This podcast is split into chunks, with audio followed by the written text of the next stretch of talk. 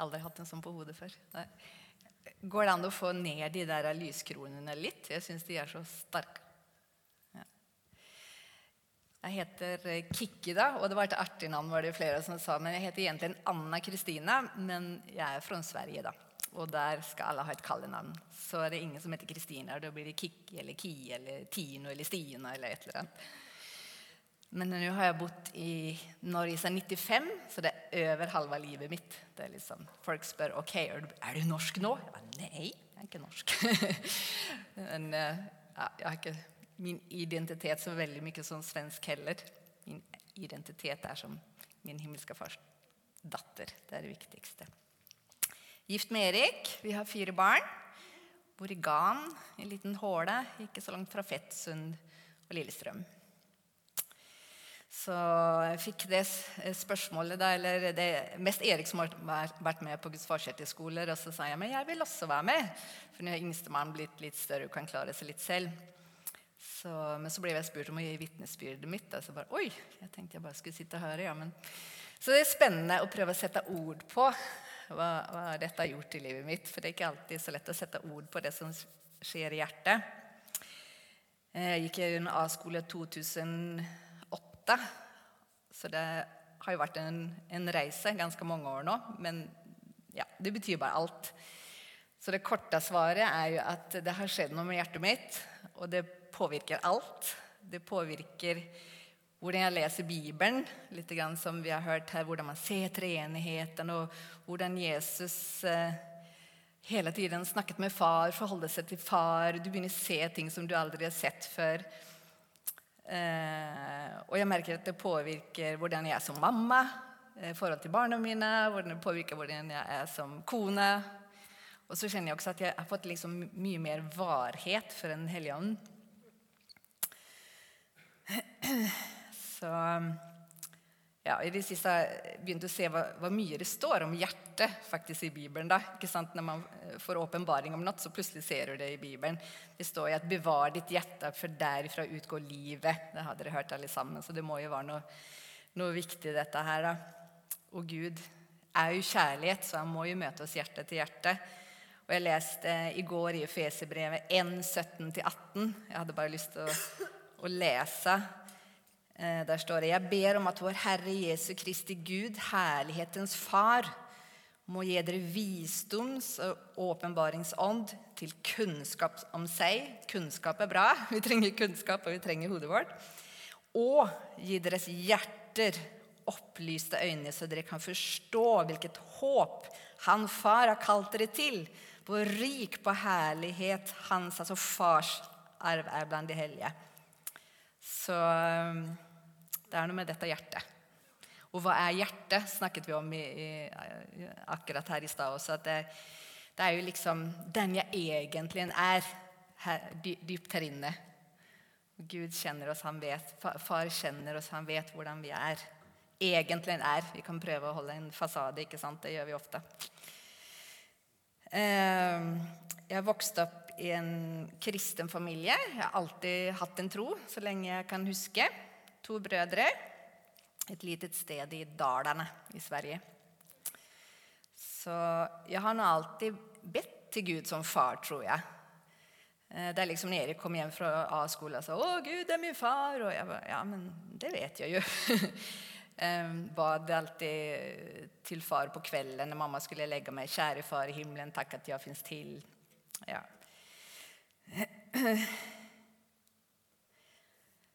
Eh, ja, som ungdom så følte jeg meg ofte ve veldig redd og usikker.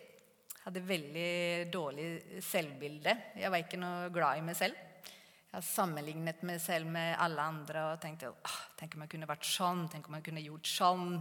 Hva er det jeg egentlig er bra på? Har jeg noen ting å bidra med? Ja, Veldig dårlig selvbilde. Og jeg hadde to vakre venninner i kirka som fikk all oppmerksomheten. som fikk alle guttene som fikk alle klemmene. De tok klemmer, gav klemmer. Og jeg var liksom, liksom for usikker for å, for å, gi klemmer. Så det ble litt sånn sårt for meg. Ja, det er så rart Når man begynner å tenke på den der lille jenta som ikke følte seg elsket, så kommer alltid tårene. Eh, men jeg følte meg eh, veldig mye alene Jeg husker at jeg kunne ligge på rommet hjemme og gråte. Jeg følte meg så alene inni meg. Men trøsten var at jeg visste Gud hadde skapt meg unik. Han ville meg, han ønsket meg. Det følte jeg det var min trøst. Så det var jo far jeg forholdte forholdt meg til, på en måte. Eh, så jeg tror jeg hadde litt av et, et, eh, litt av et hjerteforhold, hjerteforhold til far. Men samtidig følte jeg på skam, da, for jeg burde jo være glad i meg selv. Gud har jo skapt meg, han ville jo meg, og så er jeg ikke glad i meg selv. Og da følte jeg meg litt sånn skam, da. Og jeg husker at det var flere som ba for meg. Vi, eh, eh, og så en lukket blomst inni. Det syns jeg var veldig interessant. Så det var akkurat som Gud viste meg bilde av en blomst som er lukket. At det var flere som så det bildet når de bad for meg. Jeg spurte Gud hva er det her. Hvorfor, hvorfor, hvorfor får jeg ikke blomstre? Så vokste jeg og ble større, og jeg flytta til Norge. Hvorfor eh, var jo på grunn av at Norge her var alle gullmedaljene, ikke sant? Så da flyttet jeg til Norge. Nei da. Ehm, begynte å jobbe her, og kroppen min hadde blitt større. Jeg vokste, men, men, den lille såra jenta var jo fremdeles her inne. Ikke sant? Så, men så bygger vi opp noen murer for å beskytte oss. Og, og fremdeles noen ganger kunne jeg kjenne på avvisning. Og så traff jeg min kjære mann, Erik. Det må ha vært mammas bønner. Den beste mannen jeg kunne få. Og Det interessante er at det første temaet vi snakka om, var å ha vår bekreftelse i Guds kjærlighet. For da hadde vi lest samme bok, som heter 'Search for Significance'. Er det noen som har hørt om den boken? Den fins ikke å få tak på lenger. Den heter eh, 'Jakten på bekreftelse' på svensk. Og det handler om da, å Eh, å ha sin bekreftelse eller, i Guds kjærlighet. At vi er skapt til å få bekreftelse, skapt til å leve i kjærlighet. Men vi søker den ofte feil sted. ikke sant? Prøver å, å, prestere for å bli glad i oss selv, eller prøver å prestere for at andre skal bli glad i oss eh, selv. Så det var mye bra i den boken. men for det handlet om å avsløre løgntanker vi hadde om oss selv, og så skulle man erstatte det med Guds ord. Og det er jo veldig bra. å Erstatte dårlige tanker med Guds ord. For Guds ord er jo levende og virksomt. Men, men det kan fort bli en metode. Så, så jeg kunne liksom se hva, hva, som var problemet mitt. Eller på å si. Eh, men jeg ble liksom aldri helt satt fri. Men det interessante var at det var det første som jeg og mannen min snakka om når vi traff hverandre. Vi kom liksom helt inn på dypet. Vi var på en sånn vennefest. Um, så jeg kan ikke huske at det sto noen Gud som far der. Det var liksom bare Gud, Gud og Guds kjærlighet. Og, og det sto ikke noe om å ha sin identitet som datter, da, det der datterhjertet. Men jeg tror at det var som en, en, forberedelse for meg når jeg til slutt skulle få høre om en Guds farshjerte-skole, og da var jeg klar å gå. ikke sant? Dere sikkert opplevde mange av dere at Gud Eh, begynner å åpenbare seg som far. Det får jeg høre litt og litt og litt. Og så kanskje det var derfor du kom hit i dag, for du ville høre mer.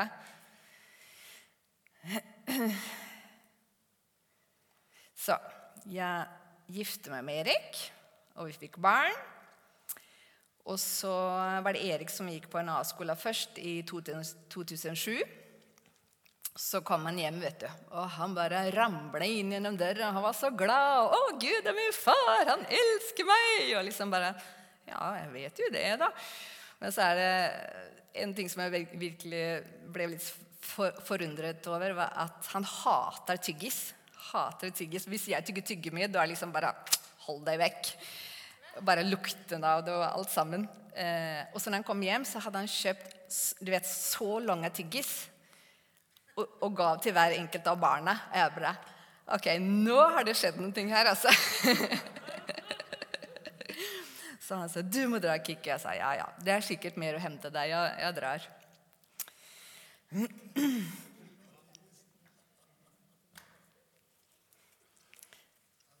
Så en hel uke tenker dere kanskje også, men, men du trenger virkelig det for å, for å, lande. og få litt, eh, At alle de her tankene i hodet ditt skal stille litt, og at hjertet ditt tar en stund før det mykner opp. Så på, eh, jeg har lyst til å dele et par ting da, Eh, litt sånn turning points for meg, eller hva man skal si. En ting fra A-skolen, og så gikk jeg også på, på B-skolen. Så på A-skolen man får jo undervisning om at vår relasjon til våre foreldre har mye å si for hvordan vi kan møte Gud som far. Så man får skrive et brev til mamma og et brev til pappa. Og jeg kjente jeg kunne altså, Jeg er oppvokst i et trygt hjem. Snille foreldre, holder jeg på å si, og ikke opplevd noe traumatisk eh, på noen måte. sånn. Så jeg kunne takke dem for hva som var bra. Jeg brukte de her kjærlighetsspråkene. Jeg kunne takke dem for at de brukte tid med meg, de hadde gjort tjeneste for meg, gaver. Men jeg, jeg savnet kanskje veldig ja, jeg fikk liksom ikke den tryggheten gjennom ord og klemmer, da. Fysisk eh, ja, klemmer.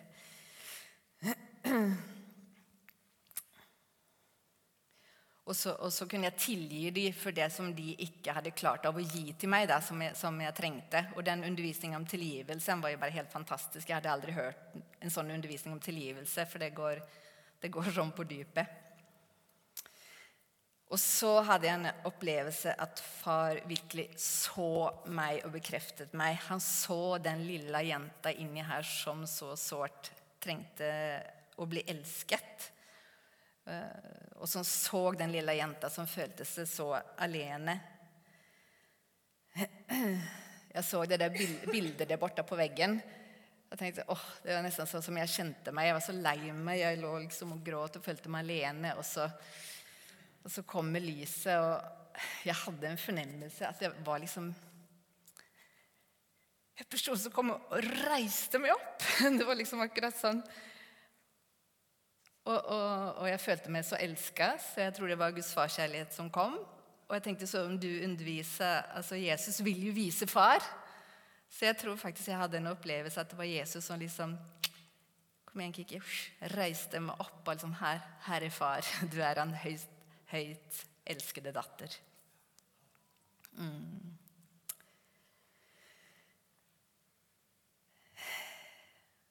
Og når jeg kom hjem, så, så, så uh, traff jeg din søster Pernille. Hun er ikke kristen, hun er hennes mann.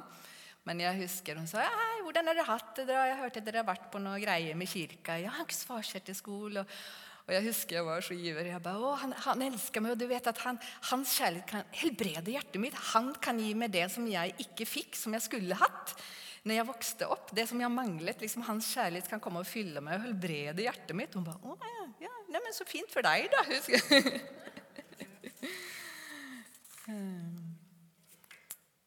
og så dro vi på B-skole bare ett år senere. Vi var klare. Vi ville ha mer. Så vi kjente at dette, her er det mye mer å hente. Og vi, fikk, vi hadde jo småbarn da, så vi hadde fantastiske venner som flytta inn i huset vårt og passet på barnet. Jeg tror det var to forskjellige en hel uke. Vi hadde tre småbarn da på den tida. Så vi fikk lov å dra til Gjøvik og sitte der og høre på James. Og det var liksom bare Vi snakket om det her om dagen. bare Haka bare datt ned. Vi bare satt der og bare drakk inn. Eh, og så var det en stund vi hadde der når vi skulle liksom bryte løgntanker. Erik husker ikke noe om dette, her, men, men for meg betydde det jo veldig mye. da. Og han hadde bedt for meg at jeg skulle få et skikkelig møte med far, og, og det fikk jeg, så det holdt. Fordi min mamma hun sa, fremdeles sier, at uh, 'jeg har jo ikke noe å si'. Hva skal jeg si? Jeg har jo ikke noe å bidra med. Ingen ville høre på meg. Og de her negative tankene ble liksom mine tanker, som holdt meg veldig, veldig nede. Jeg tenkte hvem har lyst til å være sammen med meg? Uh, ja, ingen vil høre på hva jeg har å si. Jeg har ikke ordene. Og det var ikke meningen at hun ville gjøre det, jeg på å si. Ikke, uh, men liksom jeg tok meg til de, de der ordene. Så, og så hadde vi en sånn der bønnestund der vi fikk hjelp til å bryte de der løgntankene. Uh, og så fikk jeg hjelp til å, å tilgi mamma. Og etter, etter, det fikk jeg et veldig sterkt møte med fars kjærlighet. Det, det, skjedde ikke der og da, men det kom veldig overraskende. Jeg elsker at Gud eh, kommer og overrasker. Så liksom bare eh, Hvis du lengter etter et møte med far, også bare slapp av. Han kommer når det er timing. Um, for på slutten så gikk jeg fram og delte. Jeg syns egentlig det er superskummelt å gå fram og stå og prate som jeg gjør nå. Liksom. Jeg tenkte liksom, åh, jeg må, bare dele. Og sa det der liksom, at jeg fikk bryte de der langtankene. Og jeg husker at jeg sa at ja, men jeg har jo noe å bidra med. Jeg er liksom, Guds kjærlighet er så mye mer enn ord. Jeg, jeg kan jo liksom, Gjennom blikket mitt jeg kan gi klemmer, jeg kan oppmuntre noen. liksom. Jeg husker at jeg delte, delte noe sånt nå, da. At Guds farskjell farkjærlighet handler så, om så mye mer om ord. Så da, eh, da kjente jeg at den der eh, blomsten inni meg begynte å blomstre. Det var noe jeg hadde brytt i da. Og så var det en dame som etterpå som kom og ga meg klem. Det var liksom møteslutt, egentlig. Og så skulle jeg komme og gi henne, eh, bare gi henne en klem, da, så holdt hun rundt meg bang, det neste jeg husker på, at jeg lå på gulvet. Og da var det et sånt eh, type åndsdop. Eller hun hvisket til meg. Hadde, hun var fra Nord-Norge. Jeg hadde akkurat det samme. Jeg visste ikke hva jeg skulle si, sa hun. Og, og, på en eller annen måte kom Guds kjærlighet, og jeg ble liggende der på gulvet med sånn elektrisitet som gikk. Jeg liksom bare, bare full, full, av kjærlighet. Det var nesten verre enn å være forelsket i Erik. Så jeg vet ikke hvor lenge jeg lå der. Ja. En-to timer, og De begynte å komme med støvsugerne og skulle plukke under stolene. Jeg ville bare ligge der, og jeg følte meg så elska. Og når jeg kom hjem, var det en venninne som så meg i øya og så litt, hva, har skjedd med deg? Hun så det var et eller annet i øynene mine som hadde skjedd.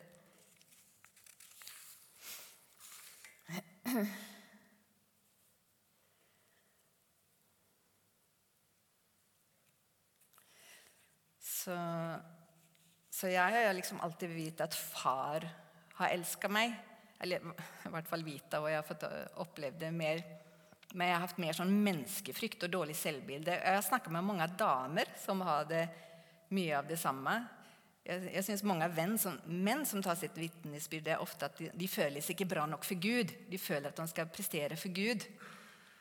Så, så, så tenkte, Derfor tenkte jeg også at det er litt viktig at jeg forteller at sånn, så var det ikke for meg.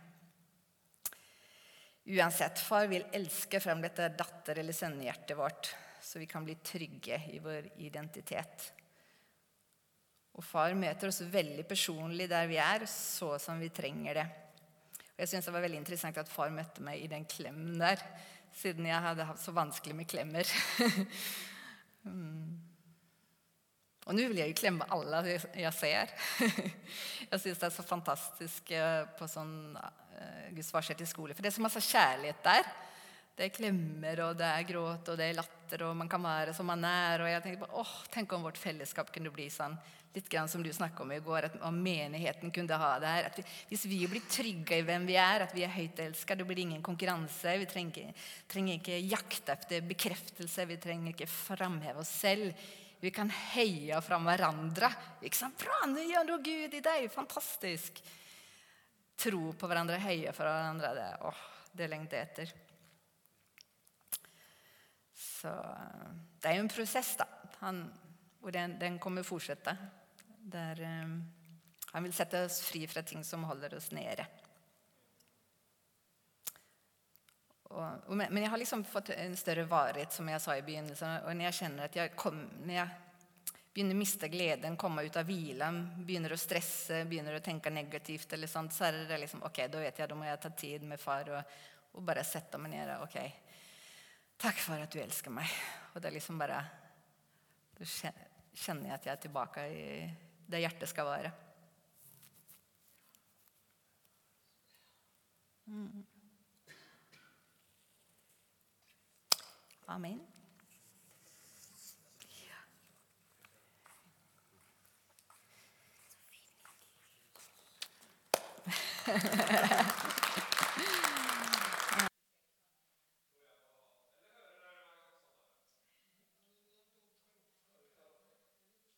lys der utenfra. Det er veldig fint. Men det bør, jeg ser ikke dere så veldig godt. Men dere ser sikkert meg veldig godt. Det er spennende å være her, altså. Jeg hadde Solveig Var det navnet ditt? Ja, Vi hadde en veldig fin prat uh, nede. Uh, oppdaget at dette er en menighet med masse misjonsengasjement fra langt tilbake i tid. tenkte jeg, For en rikdom. Og Det var noe av det første Gud begynte å snakke til meg om etter at jeg ble frelst, om, om misjon og hans hjerte for uh, alle som ikke hadde hørt. Så når jeg treffer uh, folk som uh, en menighet hvor det er mye fokus på misjon, da blir jeg varm om hjertet. For jeg tilhører en av de som ikke har vokst opp i noen kristen familie. Så jeg vet veldig godt hvordan det er å ikke kjenne Jesus og ikke tilhøre Guds familie. Så, når man da treffer mennesker som brenner for å, for å inkludere og invitere mennesker inn i Guds familie, da, og gjerne reise langt vekk for å hjelpe dem hjem, da ble jeg varm om hjertet.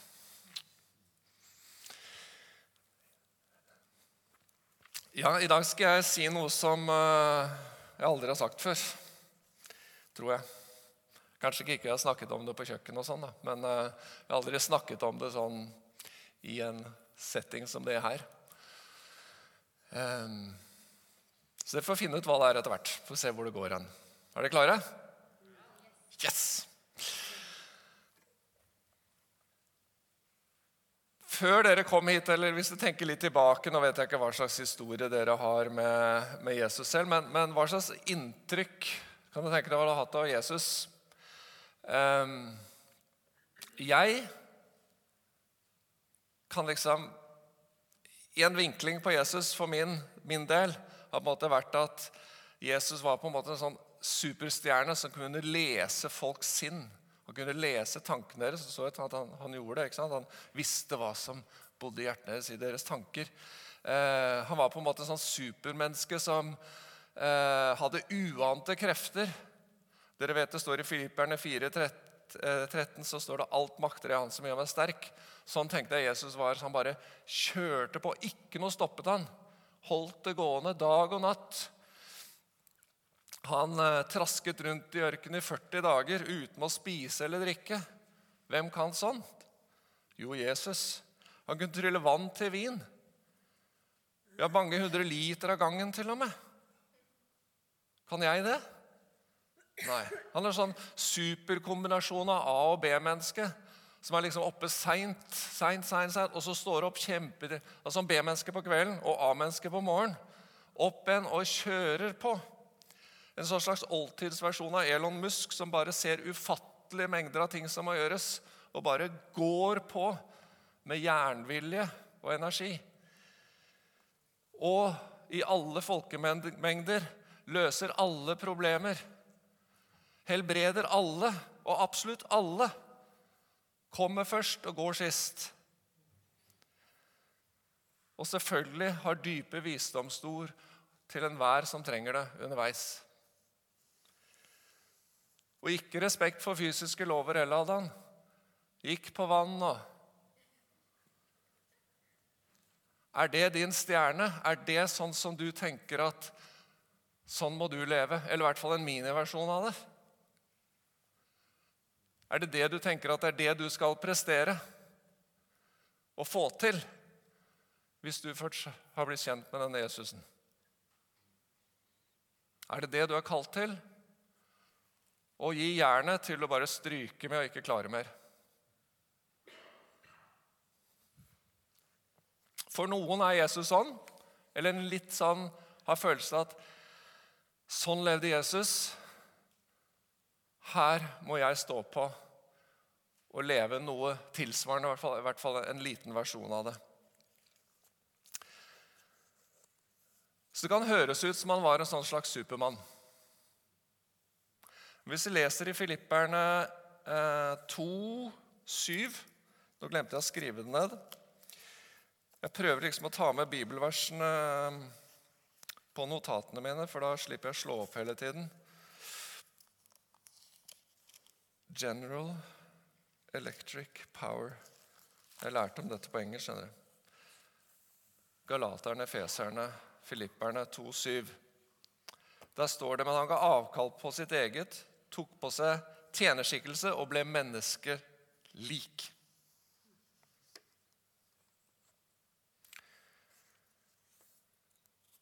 Altså, han ble som oss. hvordan kunne han da holde på å leve sånn Supermann-tilværelse? Som det kan virke som.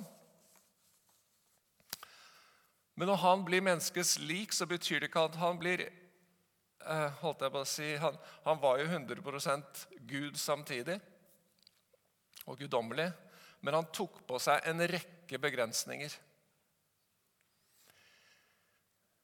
Alle de begrensningene som å bo i en menneskelig kropp gir deg. Så hvis vi ser litt nærmere, da, ikke bare de superhistoriene Hvis du litt, bruker litt lupe og ser livet til Jesus, så ser vi at da, han, eh, da Lasarus døde, så gråt han. Men du så også at uh, han hadde forventning. I Hebreerne 12,2 så står det for å få den gleden han hadde i vente, holdt han ut på korset. Han gledet seg, hadde forventning til det som kom. I Matteus 23, 33 så sier han, 'Slanger og ormyngel, hvordan kan dere unngå å bli dømt til helvete?' Sier han. Jesus var full av sinne og harme noen ganger også. En gang han hadde en hellig ryddesjau i tempelet. Da tror jeg adrenalinnivået var rimelig høyt. En slags raseri. Han var skikkelig frustrert over fariseerne. Bare les Johannes kapittel 6, den krangelen, diskusjonen der. Han møtte fristelser i ørkenen. Han møtte sult, han møtte tørst. Han hadde også inderlig medfølelse for folket da han så at de var som sauer uten hyrde. Det var som om hjertet hans ble knust av å se det.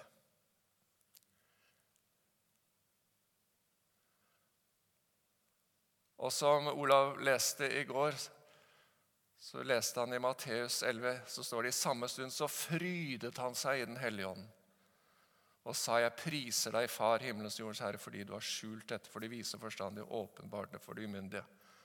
Altså, Jesus gledet seg bare ufattelig stor glede over det og andre fantastiske ting som han fikk lov til å være med på som Gud gjorde med ham. Så han, han fikk oppleve altså Han var ikke bare en sånn robot som, som gikk på. Han var opplevde veldig mye ups and downs. Vanskelige ting, gode ting, utfordrende ting. Og For å forstå litt mer av hvordan Jesus levde dette sønnelivet, så jeg har lyst til å ta oss med på en, en liten sånn reise i Johannes-evangeliet. For Johannes han var, han var den disippelen som uh, i hvert fall mente at det var han som uh, Jesus elsket. Han følte seg veldig trygg på det. Eh, og han hadde, fikk kanskje et litt ekstra innblikk, et, ekstra, et unikt innsyn som han deler med oss som får lov til å lese. Så nå skal dere få lov til å være med meg på det. Jeg kommer til å lese en del vers. I gamle dager da prekte man ikke så mye. Da bare leste man. Man sendte, Paulus sendte brevet til Efesos, så bare leste de opp brevet. Kanskje når Paulus kom på senere, så, leste, så forklarte han litt mer, men eh, vi skal lese. I Johannes 5, 5, 19, Hvis dere vil skrive opp disse versene, så kan dere ta dem med senere for å lese dem. Dette er fantastiske vers. Der sier Jesus.: Sønnen kan ikke gjøre noe av seg selv, men bare det han ser far gjøre. Og det han, altså far, gjør, det gjør sønnen likeså. Det far gjør, det gjør også sønnen. Altså det er Jesus. Han snakker om seg selv i tredje person. Sønnen kan ikke gjøre noe av seg selv. Ingenting. Er det den supermannen som vi har tenkt på?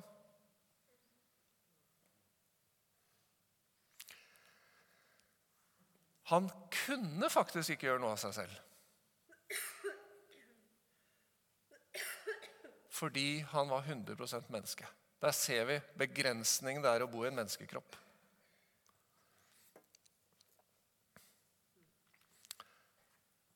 Litt senere, i kapittel 5, vers 30, så uh, sier Jesus i første person denne gangen 'Jeg kan ikke gjøre noe av meg selv'. Han repeterer det en gang til. Jeg kan ikke gjøre noen ting. Og hva er det han da egentlig sier? Jo, han sier, 'Jeg er helt totalt avhengig av far'. Jeg kan ikke gjøre noen ting. Selvfølgelig han kunne gå og spise, gjøre masse sånn, men gjøre hva da? Jo, gjøre det som er Guds rikes ting. Alt det som far ville ha gjort og sagt. Så når Jesus helbredet, hvem var det som gjorde det? Det var far. Har du noen gang prist far for hva Jesus gjorde?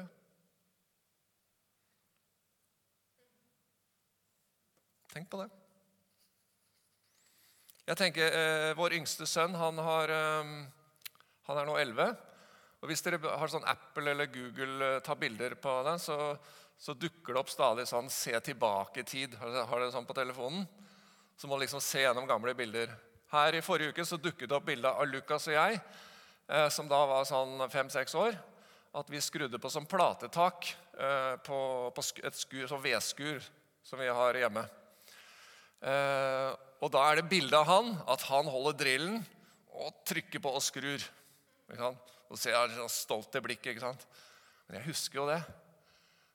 Det var jeg som holdt den. Og han, Det eneste han gjorde, egentlig var å trykke på den knappen på drillen, sånn at den gikk rundt. Men det var bare jeg som både holdt og trykka. Men han var så stolt, for dette hadde han gjort.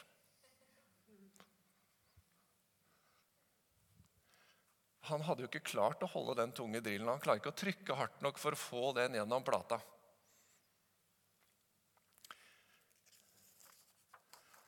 Så han så meg gjorde det, og så gjorde vi det sammen. Det er en hemmelighet der.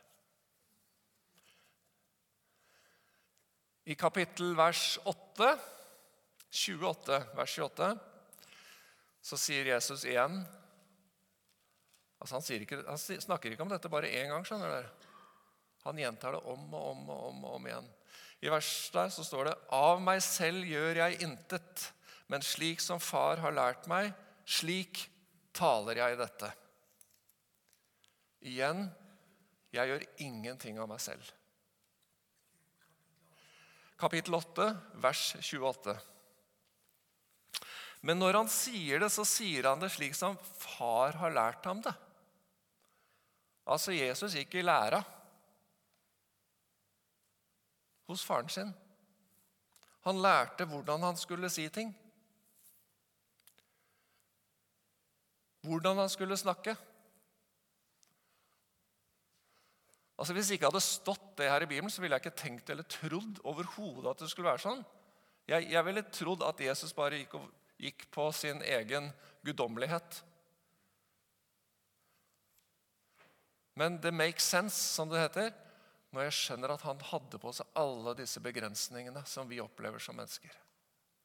Vi må forstå Tenk å være 100% guddommelig og så få hva skal vi si, strippet seg selv for alle disse eh, Eller hva skal jeg si, få på seg en sånn menneskedrakt med alle de begrensningene det gir. Altså Bare det i seg selv vil jeg tro var ufattelig utfordrende for Jesus. Men han gjorde det. Fordi han og far hadde blitt enige om dette her. At sånn skulle det være, for de skulle få barna hjem igjen. Så videre i samme kapittel 8, vers 38 denne gangen. Altså Jeg har gått ned og lest alle disse her, for at det er så kule vers. Her sier Jesus, 'Jeg taler det jeg har sett' hos min far. Jeg taler det jeg har sett hos min far. Altså, Jesus hadde sett noe. Han, vært, han levde så nær faren sin. Han var sammen med far. Og så så han ting. Og så fortalte han det. til disiplene, til de han møtte. Så når Jesus sier noe, så er det fordi han har sett det. Far har vist ham det. Det er som far og sønn går sammen. Jeg tenker hva far viser. Se her, sønnen min. Se her. Se der. Er det noe rart at Jesus stadig gikk bort for å være alene? Han trengte det. Han måtte være sammen med far for å leve den avhengigheten. For han trengte absolutt alt han gjorde, og så fikk han derfra. I eh, kapittel 12, hopper fire kapitler fremover, vers 49, så sier Jesus, 'Far' Det er litt lengre vers, jeg kutter ut noen ord imellom. Men 'Far, som sendte meg, har gitt meg befaling om hva jeg skal si, og hva jeg skal tale. Altså, han har gitt meg befaling om hva jeg skal si, og hva jeg skal tale. Så det er bare ikke det at far har sagt han eh, Har ikke bare vist han ting, men han har gitt ham befaling. Så jeg sier, 'Sønnen min, nå går du til hun dama der', eller 'nå sier du til dine lærlinger her', og så sier du det. Nå forteller du denne historien her. Ja. Sorry, det var kapittel 12, vers 49. Jeg sa bare pluss 4, liksom. Det er, men det var jo åtte forrige gang. ikke sant? Så det kan, kan ikke drive med matematikk sånn når man holder på her. Det er ikke alle som liker matte. Eller er i mattemodus? 1249. Så far gir altså sin sønn tydelige instrukser hva han skal si når han går her på jorden. Og så verset etter, 1250, denne her syns jeg er helt rå. Så sier Jesus, 'Det som jeg da taler, det taler jeg slik som far har sagt meg.' Det taler jeg slik som far har sagt meg. Én ting er å komme et sitat at du har hørt noe, at, at, dette er blitt sagt med disse ordene. Men en annen ting er å si det på den måten. Med ømhet og kjærlighet. Eller med dirrende harme. Eller med glede. Vi kan si den samme tingen på utrolig mange forskjellige måter. Og Jesus formidlet ikke bare ordene, men måten som far fortalte han det.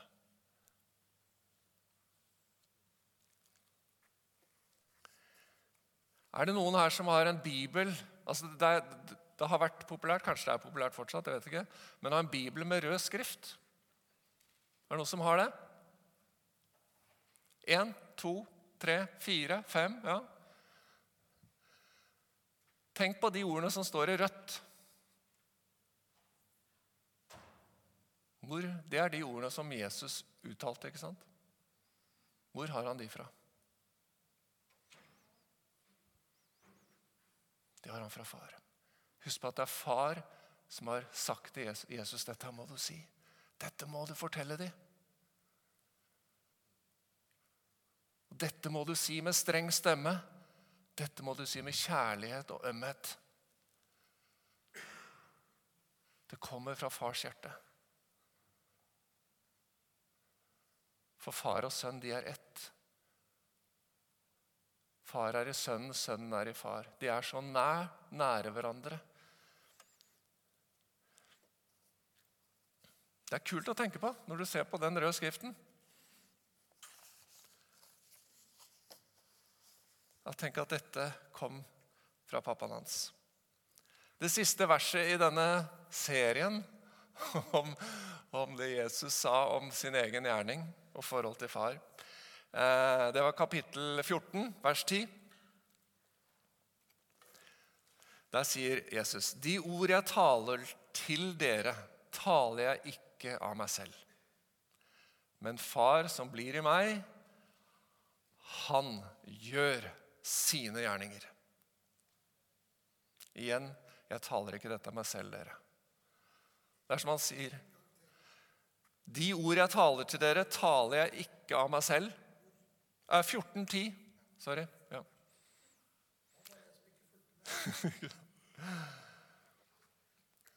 Men han gjør sine gjerninger gjennom meg. Så når du tenker på alt det fantastiske Jesus gjorde, så var det far som gjorde sine gjerninger gjennom Jesus. Når Lasarus ble vekket opp fra de døde Jeg bare hører Jesus står der, og så hører han far hviske til ham. Nå sier du at Lasarus skal komme ut. Nå skal vi vekke han opp. Nå skal de få se.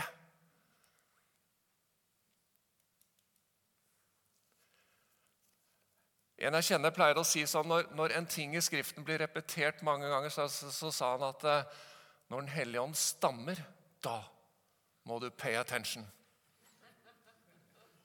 Han var engelsk, da. When the Holy Spirit uh, stutters, pay attention. Dette er syv vers, men i, de, i del, flere av de versene så repeterer han det to og tre ganger. Så det er sikkert i hvert fall ti ganger i Johannes evangeliet. Så sier Jesus selv at 'Jeg har alt fra far'. Far og jeg sammen. Han forteller meg, jeg gjør det. Jeg hører hva jeg skal si, hvordan jeg skal si det.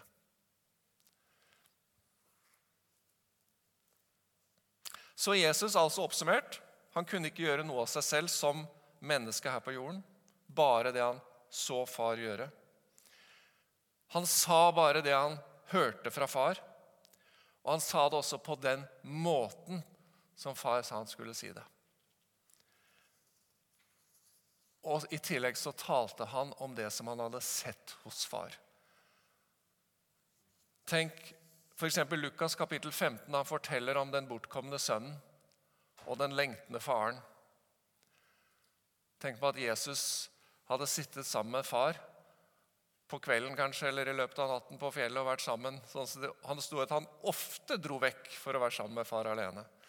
Og så hadde kanskje far fortalt han, hadde snakket om, hadde formidlet denne historien til Jesus' hjerte. Og Dagen etter så kommer han sammen med de andre og så sier jeg, far du, fortell den historien nå. Dette trenger du å høre. For jeg vil at de skal skjønne hvem jeg er. For det er ikke historien først og fremst om den fortapte sønnen. Det er historien om den lengtende faren.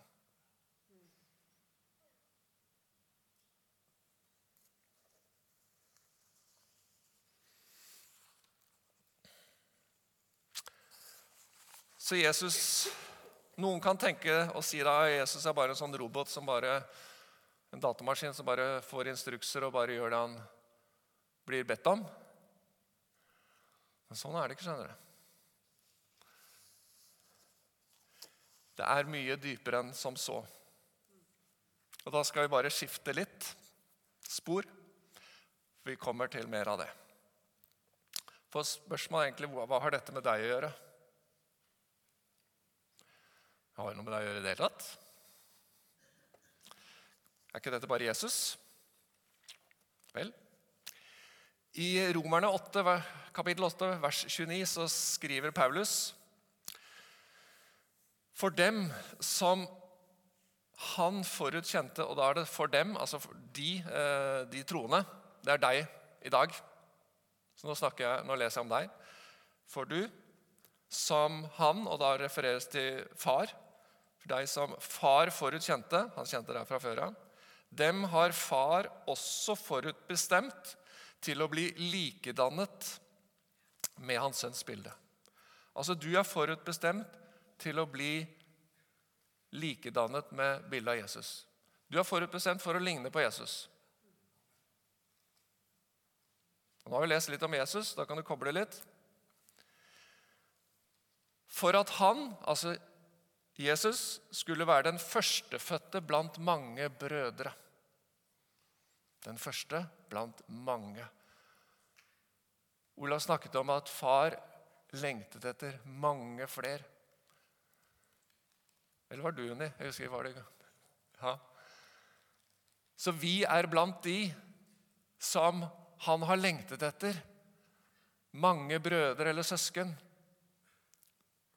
Og Jesus er den førstefødte som har gått foran oss. Så du må være klar over at enten du tror dere ikke, så ligner du veldig på Jesus. Vi er brødre, søsken med ham.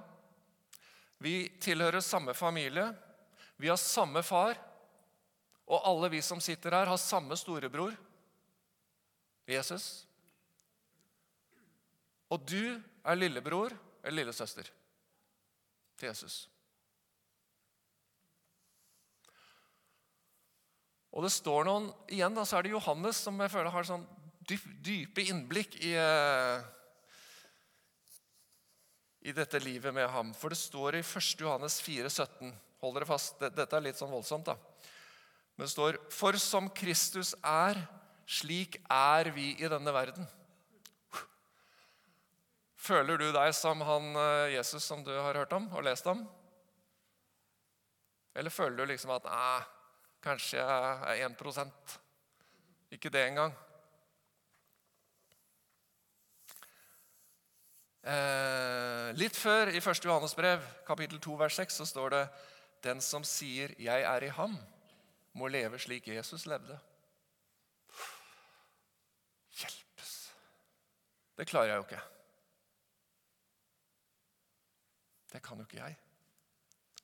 Og en dag, når han åpenbarer seg, så skal vi bli lik ham. Helt lik ham. Så da kan vi begynne å øve oss, da.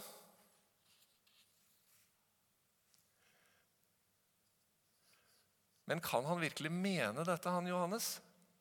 Eller har det rabla for han at vi skal være så like Jesus? Er det virkelig mulig? Og nå begynner det å bli spennende. Det er en grunn til at far kaller deg sin sønn og sin datter. Du er i et forhold til ham som er han, du er hans barn, og du er kalt til å leve i avhengighet. Akkurat sånn som Jesus gjorde. Jesus levde i total avhengighet av pappaen sin. Det er det som er den store overskriften over de versene som jeg leste nå. Det er den totale avhengigheten som Jesus levde. Og for han han lærte seg å leve i det. Det er kanskje litt større barriere for noen av oss å komme inn i den, lære å leve i den avhengigheten.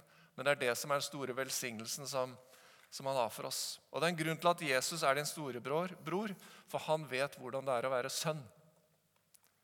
Han vil vise deg hvordan det er å være avhengig av far. Det er vanskelig for oss, men han er sykt god på å være sønn. Og han vil lære oss det. Og han er tålmodig. Han er ikke en sånn eh,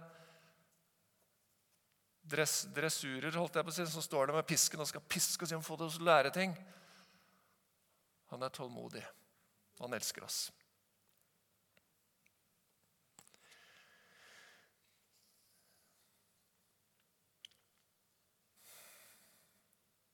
Så Når Jesus var så avhengig av far, som han tydeligvis var hvor mye mer er ikke vi det? Hvis vi skal leve det livet han har kalt oss til, da. Har du lyst til å bli sånn som Jesus? Mer og mer lik ham? Litt etter litt? Har du tålmodighet med deg selv også? Det er en vandring som varer hele livet. Du kan ikke først og fremst prøve å gjøre det som Jesus gjorde og prøve å se hva er oppskriften her. Det er ikke det det handler om. Eh, det handler om å koble på det forholdet til far, sånn som Jesus gjorde. Det handler om å hente den identiteten som han hadde som sønn, og at vi også lærer å leve som sønner og døtre. Og da leve i det nærværet til far, sånn som Jesus visste hvordan han skulle gjøre. Og litt sånn sidetrack i forhold til akkurat den biten her. Vi lever, altså Noe av det som jeg tror at er utfordrende for vår generasjon, at vi lever i en verden som er utrolig eh, Det er masse lyd og støy og intensitet, og stress hele tiden. Hvis du blir spurt om å være med på et eller annet, og det ikke er noe i kalenderen din, da føler du at du bør si ja. De fleste av oss føler det. Gjør vi ikke det? Har du spurt far først? Er det far eller er det den personen som ber deg om å være med på det? Det er veldig vanskelig for oss i vår kultur å trekke oss tilbake og være stille. Og ha møte med far, være sammen med far og være sammen med Jesus. Vi har nesten dårlig samvittighet. Det er nesten som å dra på spa. Spa det kan vi jo bare gjøre én gang hvert halvår. Ikke det engang, føler vi. Men hvordan skal vi klare å leve i avhengighet hvis vi ikke får den tiden sammen med han? Eh, noen av dere har kanskje et sånt armbånd hvor det står 'What would Jesus do?' Og det er kult. Men jeg har lyst til å lage nytt, en ny type armbånd hvor det står WIFD. Vet du hva det betyr? What is father doing? Hva er det far holder på med nå? Som jeg kan henge meg på? En del av min historie, Jeg skal ikke fortelle vitnesbyrdet mitt. Vi har hatt et fantastisk vitnesbyrd i dag. Men en av de tingene som har vært veldig vanskelig for meg, at jeg vokste opp i, Da jeg først ble kristen, så var jeg i et kristent miljø hvor jeg fikk høre at Gud har en plan for ditt liv. Og det er utrolig viktig at den planen må du søke ham for, du må finne og du må gå for det. For det har han utpekt deg til. Er ikke det flott? Problemet oppstår den dagen du føler at du ikke traff den planen. Det var for seint. Toget gikk. Hvis Gud hadde den planen for deg, kanskje du er heldig at han har en plan B, da. Og så kanskje røyk den også, så rota du det til. Rota deg bort i et forhold, eller på trass gikk en annen vei. Du turte ikke, kanskje du var redd. Og så kanskje aller ydmykst, så kanskje kommer det en plan C eller D eller E eller F. Så aller ydmykst så går Ja, kanskje jeg kan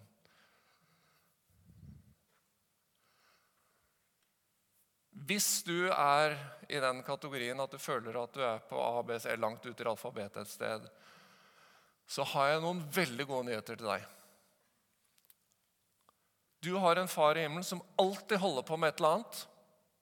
Han er alltid der for å nå ut til sine barn. Og han holder på med ting overalt, hele tiden. Min far arbeider alltid. Er det sånn Jesus sier. Et eller annet, eh, ja. Hva? Han holder på hele tiden. Og han vil alltid stå klar. Hvis du er klar, hvis du vil, så vil han invitere deg og si du, Anna, bli med meg. Nå holder jeg, på, jeg driver og holder på med litt hun, hun jenta her. Hun sliter litt med negative selvfølelser, og hun, hun, er ikke noe glad i seg selv. Jeg driver og prøver å oppmuntre henne litt. Bli med, kom. Så kan du snakke med henne. Eller på jobben. Du vet hva? Han Kollegaen din der, han, eh, han har det ikke så bra i dag. Spør om dere skal spise lunsj sammen og ta en hyggelig prat med han. Bare hør hvordan det går med han. Eller han sier, 'Du, noen skal på en eller annen misjonstur. Noen skal ut og smugle bibler. Vil du være med?' Ja, kanskje, dette, kanskje jeg skal si ja til det. Gud holder med på med ting hele tiden. Det er ikke noe Det er alltid nye muligheter. Gud har alltid nye plan A-er. Skjønner dere? Fordi han elsker deg. Det er han som holder på med ting. Og han inviterer oss med hele tiden. Sånn som han var nær Jesus og fortalte han ting underveis.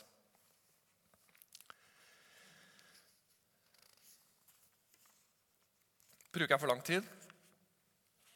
Går, går det litt til?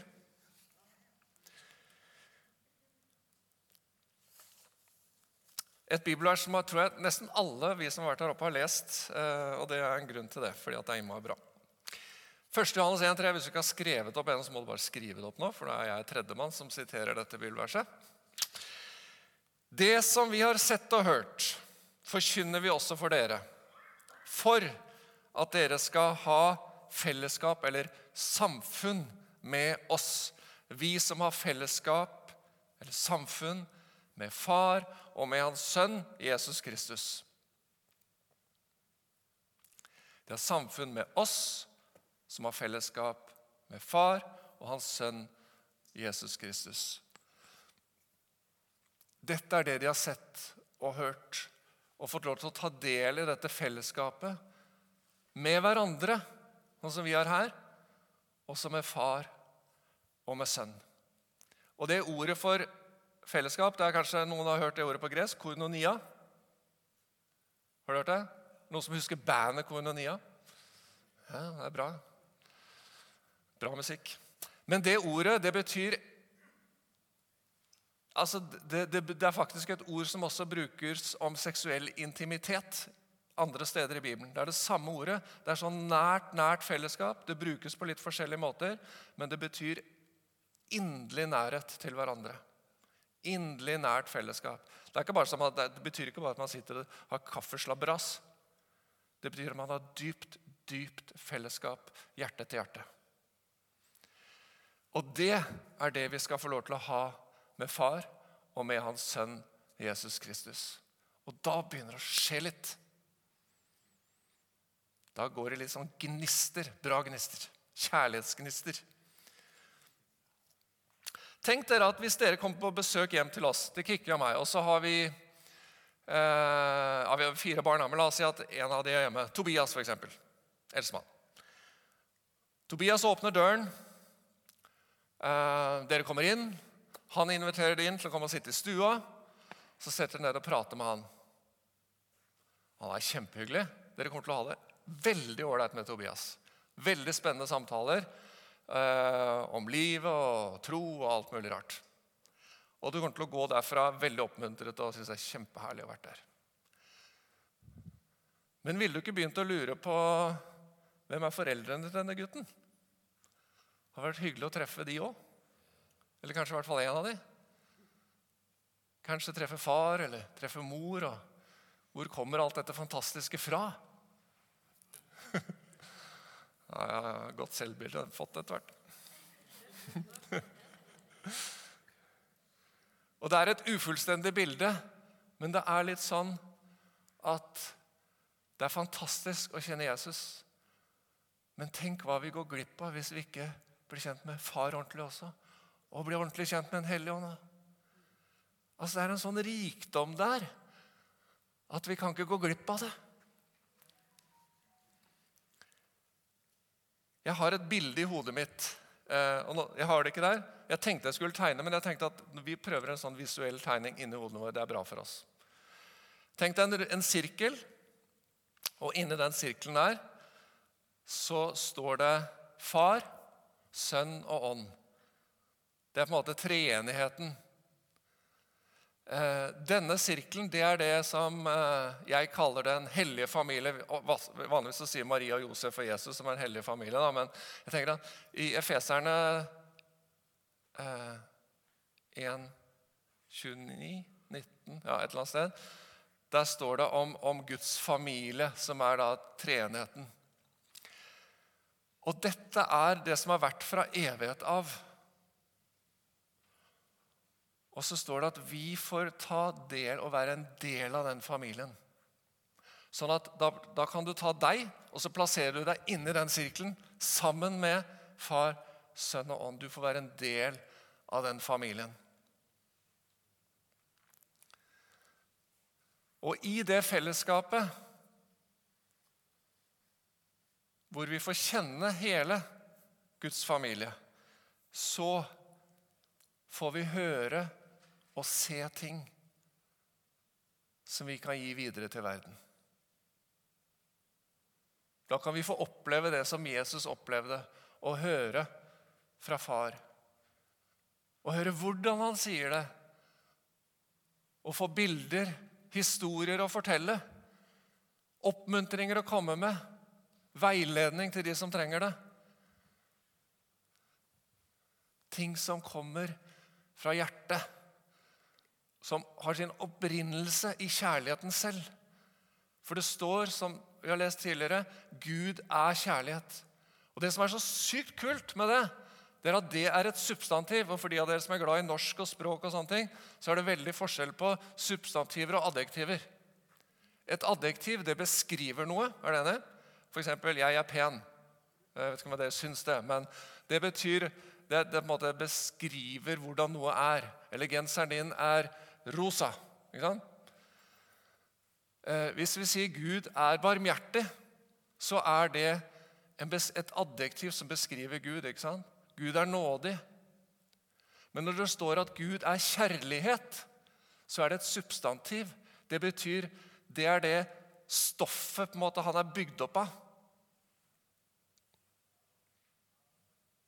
Det er det han faktisk er. Skjønner du Skjønner hva jeg mener? Forskjellen på substantiv og adjektiv? Det er ikke mange ting i Bibelen som det, som det brukes substantiv om, om Gud. Det står at han er lys, det står at han er ånd, det står at han er kjærlighet. Det er det han består av, det han er. Og i det han er, der, ut av det så springer det godhet, det som er nådefullt, det som er eh, Ja, alt det gode. Alle de fantastiske adjektivene som vi leser om Gud. Men det kommer fra kjærlighet. Er det ikke fantastisk? Og det er det fellesskapet vi er invitert inn i. Å få lov til å komme inn i denne sirkelen med hele treenigheten. Far, Sønn og Ånd. Og være der i det fellesskapet og lytte og dele. Eh, vi har blitt kjent med en ung dame de siste, de siste månedene i familien som har bodd hos oss en stund. og, og eh, som har fått virkelig på hjertet sitt å dele evangeliet med Norges befolkning. Så kanskje dere plutselig ser henne stå og forkynne rundt omkring etter hvert. Eh, hun har fått lov til eh, i det siste å virkelig få ta inn over seg at hun har en pappa som elsker henne. Eh, og Det er en så fantastisk å se den transformasjonen som skjer i henne. Hvilken glede som, som bare spruter ut av hennes hjerte når hun, hun deler og ber og eh, ja, ser en sånn forvandling. Og hvordan hun selv eh, deler hva som bobler opp på innsiden. Så jeg har bare lyst til å si at det er en enorm glede. Gud er glad. og han vil oss vel. Så i fellesskap med far og sønn, der er livet. Og alt du ble skapt for. Alt du ble skapt for, er i det fellesskapet med ham.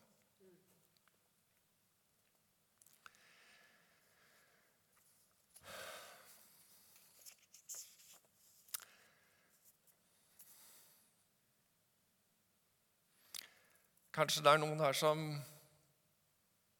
lengter etter det fellesskapet.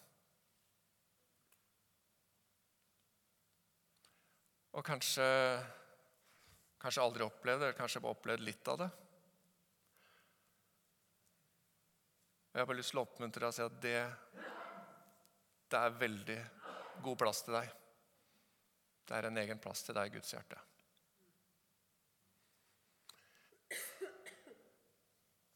Så jeg har lyst til å be litt på slutten, hvis det er greit.